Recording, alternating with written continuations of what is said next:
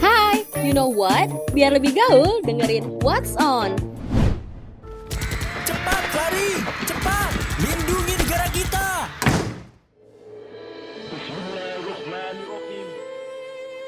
Sampailah kamu di podcast Tinggal Nama Season 4 edisi spesial Hari Pahlawan. Dengarkan kisah para pahlawan dalam memperjuangkan kemerdekaan dan rasakan semangat membara mereka. Persembahan Medio Podcast Network by KG Media hanya di Spotify. Saat semuanya sudah terlambat. Annyeonghaseyo Yorobun dan Nida Pangkap Senida Kita kembali di segmen spesial Kamchagia Korea Wih. Tepuk tangan dulu dong. Hari ini adalah segmen spesial karena hostnya adalah saya dan Hermansyah, konten creator dan Yuena garis keras kebetulan kelihatan. Ini.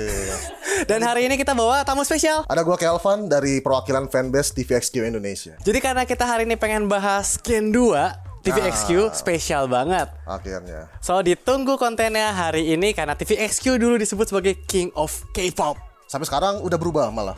Legend of K-pop. Oke. Wah. Tapi sebelum itu jangan lupa follow dan beri rating terbaikmu untuk podcast Kamchagia Korea di Spotify. Lalu subscribe juga YouTube Medio by KG Media. Betul. Disertai nyalakan notifikasi itu dong supaya kamu bisa terinfo setiap ada episode terbaru yang tayang setiap harinya. Oke, jadi karena kalau misalnya teman-teman nih di sini yang udah ngikutin K-pop dari tahun 2000-an pasti nggak asing lagi sama yang namanya TVXQ.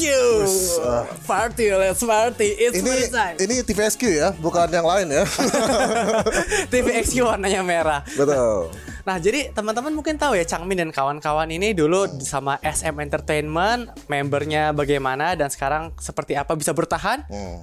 di tengah K-pop yang industrinya terus berubah tapi Betul. TVXQ tetap eksis. Nah, kita mau ceritain hari ini. Oke, mungkin cerita dari versi gue dulu ya. Silahkan, Bapak. Kenapa gue bisa suka K-pop? Pertama kali gue suka K-pop itu pas zaman-zaman gue main game di apa komputer. Mungkin kalau teman-teman tahu namanya Ayo Dance Hmm. Oke. atau Audition dari situ ada lagu-lagu yang judulnya DBSK gitu-gitulah. Cuma kok pikir kok lagunya enak di situ kan? Kalau lagunya enak, terus kan zaman dulu kan belum ada YouTube ya. Akhirnya nggak tahu waktu itu tuh zaman-zaman beli kaset bajakan. di situ pilih-pilih tuh. Oh dari situ lah gue riset tuh lebih dalam. Terus wah lagunya makin enak nih, makin enak. Akhirnya dari situ lah. Jadi dulu kenalnya dari gara-gara main game. Hmm. Terus bisa kecantol sama TVXQ itu dulu gimana sih, Teh? Karena mungkin dulu kan boy band atau girl band itu kan nggak terlalu banyak ya. Yes. Gue bandingin dulu tuh sempat gue bandingin ya bukan nggak bandingin atau apa ya, tapi baik lagi ke selera ya. Dulu tuh ada TVXQ sama Big Bang dari situ. Hmm. Betul. Cuma mungkin genre gue lebihnya kan ke pop ya. Sedangkan kalau Big Bang itu kan lebih ke yang swaggy, Betul. swaggy yang gitu-gitu deh. Nah selera gue nih masuknya ke pop yaitu TVXQ. Waktu itu gue masih suka zaman-zaman berlima tuh.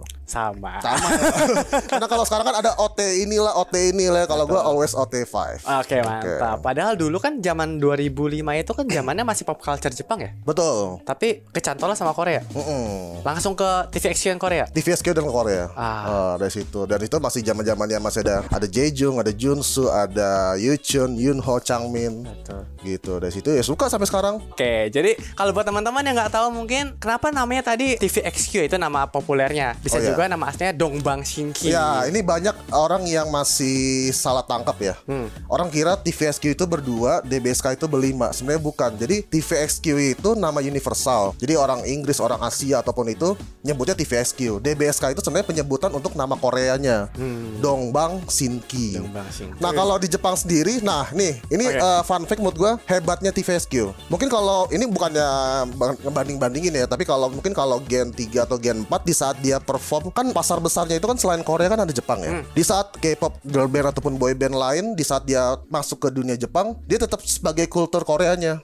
Nah, sedangkan di era dulu sampai sekarang tuh Jepang itu sangat apa ya, street kali ya tentang ada orang lain di luar Ah. Jepang. Nah, tapi kalau TVSQ ini dia benar-benar kayak punya dua kepribadian di saat dia masuk ke Jepang, gue berubah nih. Jadi Jepang. Nah, dan itu namanya Tohosinki. Ya. Nah, dia berubah namanya Tohosinki. Kenapa? Karena di Jepang itu penyebutan atau pelafalan DBSK, Dombang Shinki atau TVSK itu agak susah. Karena untuk masuk ke pasar Ya. Jepang, dia berubah untuk namanya Tohosinki dari yang Jejung J A E J O O N G dia berubah J A J U N G Jejung. Jadi dia pelafalan mulutnya itu biar disamain masuk pasar ke Jepang gitu. Jadi mereka emang serius banget ekspansi ke Jepang. Betul, karena selain lagunya, bahasanya dan penampilan tuh benar-benar berubah banget. Betul, betul. Midoyo. Nah, Oke. itu salah satunya. jadi buat teman-teman yang nggak tahu, jadi tadi TVXQ, DBSK ataupun Tohoshinki itu memaksudkan grup yang sama gitu ya. Hmm. Iya. Didirikan pada 26 Desember 2003 dari Betul. SM Entertainment. Artinya adalah Rising Gods of the East atau dewa-dewa yang bangkit dari timur. Iya. Betul, betul. Yang paling berkesannya lagu debutnya itu Hak. Ya, Gimana Pak intronya Pak? aduh jangan nyanyi. Saya kalau nyanyi kayaknya krunya selesai di sini. Oke. Twinkle Shippo, oh baby. Nah, oh baby aja ya. Pas bagian oh baby aja. baby baby cu. Ah, bukan, ya. Oh beda. nah jadi kalau misalnya di Jepang mereka tuh Hoshinki dan di bawah Avex. Ya betul. Ah, dan Efek. debut dengan Heart, Mind, and Soul tahun 2006. Betul, itu untuk albumnya tapi kalau untuk debut singlenya Stay With Me Tonight. Stay with me tonight, Kono kono mama, Nah, itu kan gue nyanyi tomodachi. follow masuk Oh. sini nih. Iya begitu. Jadi mereka itu adalah the king of K-pop dan dulu wah hebat sekali. Betul. Mungkin kalau ya namanya setiap generasi atau setiap tahun ke tahun pasti ada perubahan ya. Mungkin kalau di zaman Gen 2 ya hebatnya dengan TVSQ, pindah lagi hebatnya dengan Big Bang, pindahnya lagi dengan grup Super Junior, pindah. Pokoknya ya semakin kesini kesini ya pasti ada masa-masanya. Tapi kalau dibilang ah TVSQ mah nggak terkenal, bukan nggak terkenal, masa. Beda masa. Ya mungkin masa lu di situ ya, lu juga mereka udah debut, lu belum lahir mungkin. Betul. Nah, Sekarang kan era sosmed beda. Betul. Tapi pencapaian mereka yang di mereka lakukan tanpa sosmed itu sudah luar biasa sekali. Betul. Tapi ada satu hal nih. Hmm. Kalau dulu ketika terjadi kita pasti sedih banget sih. Tapi Ya. setelah berlalu sekian tahun kita mungkin sekarang lebih objektif. Kira-kira kenapa sih mereka sampai jadi tiga dan dua? Nah, ini mungkin juga ada beberapa orang ya, ada sih ada yang pro ke JYG, ada juga yang pro ke Homin atau Yoon Ho Changmin. Ini kalau menurut gua Ya. ya, menurut pandangan gua, Yes. kenapa JYG keluar ke TVSQ? Sebenarnya dia nggak mau keluar untuk sebuah grupnya, tapi dia memberontak dalam hati kasar karena kontrak di SM Entertainment ini tuh terlalu berlebihan atau over. Dulu bisa disebut orang member JYG atau TVSQ ini dikontrak sampai 17 tahun kemudian gitu. Satu tahun kemudian aja kita nggak pernah tahu kenapa yang terjadi, tapi udah dikontrak 17 tahun. Istilah kasarnya gitu ya, maksudnya udah puluhan tahun udah dikontrak dengan pembagian hasil yang Kecil. bisa dibilang 100% mungkin TVSQ dengan 5 member itu cuma dibagi 10% Oh. pada era itu ya. Sedangkan kan mereka udah iklan, lagu, inilah itulah. Dulu mungkin orang carinya famousnya, tapi kan semakin bertambah umur, semakin bertambahnya apa kan realitanya juga lah butuh uang. Jadi ya gitu maksudnya pada saat mereka udah sedikit, gue kayaknya juga butuh uang nih. Tapi emang lagi di puncak banget sih memang sih. Puncak banget itu, 6 apalagi tahun kan? iya Eh, enam betul. tahun lagi di puncak karir banget sih memang. sekit- wajar sekitar, sih, ha. wajar sih kalau mereka mendemand. Iya, sesuatu. istilahnya ya- ya kita mungkin lihat idol tuh sempurna atau apa, tapi kan manusia biasa. Di balik itu kan pasti kayak, duh, gue butuh duit nih. Iya, betul. Tapi pembayaran gue kok nggak nggak sesuai lah. Jadi akhirnya mereka ya bisa dibilang ngebangkang gitu. Ah. Jadi dari situlah akhirnya. Nah, kenapa kalau Yun Ho sama Chang Min bertahan? Mungkin ya namanya lima orang ini kan punya karakter Ah. pribadinya masing-masing. Yang aku yang gua tahu ini adalah di saat lu keluar dari SM Entertainment satu lu nggak bisa bawa nama TVSQ, lu nggak Hmm. bisa bawa lagu-lagu itu semua. Ya lu istilahnya dari nol banget. Mungkin Yun Ho Chang Min mikir panjang. Tapi Hmm. sedangkan kalau JYG-nya Jejung Junsu sama Yuchun dia mikir realitanya. Mungkin ini versi gua Iya, ya. ha, ha. Akhirnya- Tidak mewakili suara fanbase. Iya ini ini lawan fanbase ya tapi pribadi gue aja yang gue tahu selama ini. Ya, ya, ya. Akhirnya mereka keluar, malah pas JYG keluar dia pasarannya langsung ke Amerika, langsung sama Kanye West. Akhirnya ya gitu. Malah bisa dibilang sekarang tuh Jejung artis terkaya nomor satu. Kalau Junsu sama Jichun juga terkaya, cuma maksudnya nomor satunya Jejung. Jejung. Oh, Jejung nomor satu. fun Mungkin fact, teman-teman itu fun fact. ini bukan tentang-tentang ah tentang idola lu lu bela. Mungkin kalian bisa searching sendiri. Nah, habis itu ketika JYJ sudah berkarir sendiri, Hmm. habis itu mereka hiatus kan ya? Ya, sempat, hiatus dulu. TVSQ-nya hiatus, JYJ juga masih ngambang kan. Apakah dia mau solo-solo atau bikin grup Betul. lagi? Nah, habis itu TVXQ comeback. Put your head down. Nah, Keep- gimana? Keep your head down. Bukan put your head sama. Itu beda Pak, 2PM. Nah, gimana rasanya sebagai fans ketika TVXQ Oke. comeback sebagai dua, you know sama Changmin? Eh, kan mereka tuh pisahnya 2009 ya 2009 Hmm. akhirnya comeback lagi 2 tahun tuh dua tahun sekalinya comeback ya berdua dengan konsep yang berbeda banget ya karena kenapa Changmin ini di grup pas di saat berlima dia nggak paling nggak menonjol paling istilahnya paling terbelakang lah. Karena kan yang paling menonjol kan Junsu, Jeju. Ya, tiga itu sih. Ya, kayak gitu lah. ya. Main vokal itu. Sedangkan Yunho Dari- ya. lead Hmm. dancer, main dancer lah. Dia bukan tipe yang vokal gitu kan. Betul. Jadi mungkin di saat 2 tahun itu ya mereka benar-benar gila-gilaan belajar Yunho harus bisa nyanyi, Changmin yang nggak bisa ngedance harus bisa ngedance. Betul. Akhirnya 2 tahun itu saat dia dia balik ya akhirnya dia Comeback stronger malah. Hmm. Jadi kita seneng ya ngeliatnya ya. senang banget pastinya sih. Ah, ah, dan terbukti lagu-lagu comebacknya sukses terus. Sukses semua menangin musik bank dan sebagainya sih. Betul. Yang menarik nih, mereka tuh salah satu legend karena bisa menjual 10 juta kopi album. Nggak semua grup bisa 100 ribu Hmm. aja Iya, iya. susah. Iya. Makanya mereka disebut sebagai salah satu penyanyi tersukses Asia di generasi ini. Dan konon katanya sudah ada 17 tour internasional. Oke, nah kalau ditanya nih mengenai DBSK-nya lagi, Hmm. punya bias nggak sih di DBSK? Pasti ada. Oke, Eh, member favorit ya, Jujur kalau dulu Kenapa? paling suka Junsu. Sia Junsu. Sia Junsu. Kalau sekarang dia udah nggak pakai apa nama panggungnya. sekarang jadi Kim Junsu. Kim Junsu. Kenapa? Karena satu vokalnya sih. Kalau nyanyi kan tahu sendiri ya, dia Iya. penuh dengan powerful banget dan hampir bisa dibilang kayaknya gue nggak pernah dia jarang banget kalau dia lip sync sih. Karena lebih bagus suara aslinya dibandingkan dia ini ya lagu ya. Tapi kok ada suara gangguan-gangguan apa gitu ya di sini ya. Oke, betul. Terus ngisi lagu di Sense of the Sun kan? Nah, yang terakhir kan. yang Ha-ha. How can I say I love you? Ha-ha. Nah, itu. How can I love you? Wis, Bener-bener ini ya Kesiopnya juga berarti ya Jadi Junsu sih yang paling dibiasin Kenapa? Karena suaranya. Karena suaranya Kalau lagu favorit? Kalau lagu favorit sampai sekarang sih Ya itu mungkin orang udah gumoh kali ya Mirotik Itu lagu istilahnya apa ya Lagu sepanjang masanya kali ya Onaru Wonhe. Wonhe Eh. Itu paling seru tuh kalau pas lagi SM Town tuh Wah semua fandom pada fancen semua Setuju, setuju. Nah, kalau misalnya ngomongin bias ini eh, masih sama atau udah berubah? Sebenarnya sih kalau dibilang bias sih nggak terlalu ini banget sih. Cuma kalau mungkin kalau di- disuruh bikin urutan kali ya. Kalau urutan gue sih nomor satu Yunho, Hmm. kedua Junsu, ketiga Changmin, keempat itu Yuchun, kelima Jejung.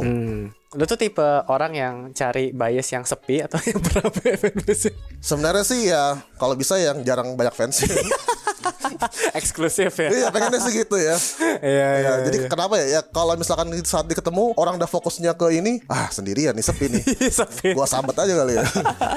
Gitu sih. Oke, oke. Sekarang kita pengen fun fact lagi mengenai Changmin nih, member paling muda. Changmin eh, 13 Januari 2022 awal tahun ini membuat comeback solo pertamanya setelah 2 tahun 8 bulan dengan mini album keduanya Devil dan sempat menduduki posisi puncak tangga lagu iTunes loh. Jadi Devil ini mencapai peringkat 1 top album di 14 wilayah termasuk misalnya nih ya Jepang, Arab Saudi, Thailand, Singapura dan Indonesia Iya. dong gitu. Gimana comeback terbarunya Changmin? jujur sih beda banget ya beda banget dengan Changmin yang kayaknya kayaknya bukan genre yang begini banget tiba-tiba konsepnya yang dark Hmm. yang evil dengan kostumnya dengan penampilannya beda banget sih dari TVSQ sebelum-sebelumnya tapi emang rata-rata kalau di saat member TVSQ ini comeback atau perform solo tuh emang dia kayak punya karisma atau penampilan beda-beda sih Tapi Kalau- ternyata cocok ya. dan ternyata cocok gitu dengan karakter suara Changmin kan yang agak rock keras gitu kan jadi nyaring-nyaring jadi ya cocok aja Oke, fun fact lagi. hmm apa tuh Cassiopeia tahun 2008 itu mencatatkan jumlah fandom K-pop terbesar.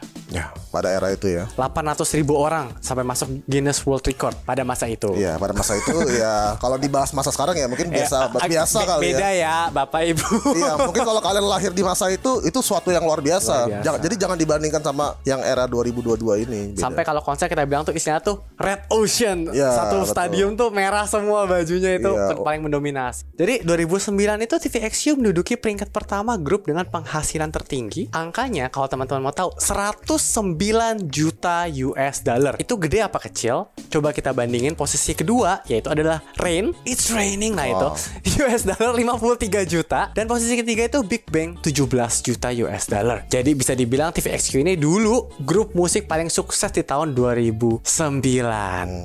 Keren banget tepuk tangan dulu dong. Pertanyaannya sekarang tahun 2022 beda ya. TVXQ bakal ada konser nggak? Ada tapi untuk Indonesia nggak ada sih. Ah. Satu kenapa TVSQ nggak belum comeback comeback. Sebenarnya ke- awal-awal tahun 2022 itu sempat dikasih clue sama SM Town itu kan Hmm. TVSQ comeback 2022. Cuma udah hampir mau akhir tahun ini nggak ada tapi ya udahlah ya. mungkin Changmin masih fokus dengan istrinya. Oke. Yunho masih sibuk dengan kegiatannya jadi ya mungkin belum comeback. Jadi kalau dibilang ada konser kayaknya belum. Tapi kita berharap aja ya. Berharap konser di aja Indonesia sih. kita pasti datang dan pasti kita beli VIP. Betul. Apalagi kalau dapat endorsan. Kalau ngomongin soal f- ini kita agak bahas yang lain sedikit. Hmm. Sebagai fanboy nih fanboy. Kan kalau ngomongin K-pop, Hmm. ada fanboy ada fangirl, Betul. tapi mayoritas bisa dibilang tuh 90% fangirl. Betul banget. Kita sebagai minoritas 10%. Iya.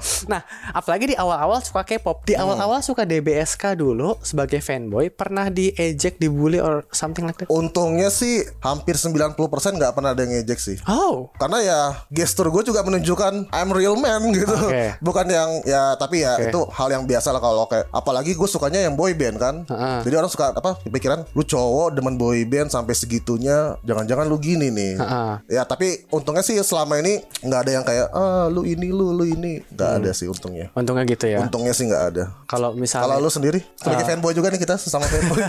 Pernah nggak pengalaman kayak gitu? em, sempat dibilang aneh sih pastilah. Iya. Ah, waktu itu kan gue demen DBSK terus Sony Shide kan. Hmm.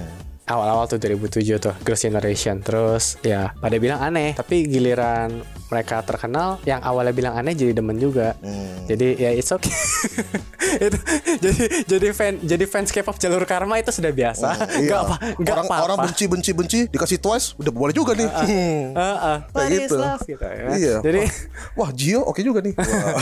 Heeh, jadi seperti itu. Ya nggak apa-apa sih. Jadi kan makin banyak fans K-pop juga. Hmm. Betul. Tapi sampai dibully sih enggak sih. Tapi karena menurut gua gini ya versi gua aja ya nggak ngomongan orang gitu. Karena menurut gua ini sebenarnya kan K-pop ini kan musik ya. Ya. Itu bisa dinikmati semua orang. Lu mau suka silakan, enggak juga boleh. Kalau dibilang kok lu cowok suka sama cowok, dalam arti cowok suka sama cowok tuh misalnya gua suka sama boyband Iya. gitu ya. Ya sekarang gua posisikan aja nih. Gua orang pecinta sepak bola. Gua demen Cristiano Ronaldo. Hmm. Eh ya bener juga sih. Nah, gue suka Cristiano Ronaldo, gue suka bola, gue suka Messi. Apa gue bisa disebut? Ha-ha. Itu kan enggak. Ha-ha. Cuma kan ini musik, ini sepak bola. Mungkin ada yang bulu tangkis, ada yang tenis. Jadi sebenarnya sih nggak bisa dibilang ah lu suka K-pop cuma karena udah terbiasa K-pop itu kan gimana gitu. Jadi image-nya selalu negatif gitu. Ya kita berharap ke depan tidak ada image seperti itu lagi. Betul. Oke, jadi terima kasih banyak sudah bicara banyak soal Dombang Shinki. TV Excuse, senang sekali. Um, next time kita bahas topik lain lagi. Jadi buat kamu Sobat Medio, kalau kamu mau kasih fakta menarik yang orang jarang tahu versi kamu nih, boleh banget share di kolom komentar di bawah ini atau lewat DM di Medio by KG Media. Bisa lewat email juga ke podcast at kgmedia.id. Jadi tungguin episode What's Online-nya di Kamchagia Korea. Oke, jadi sampai jumpa di minggu depan. Annyeong! Bye. Cie, yang udah jadi anak gaul nih. Bye-bye kudet.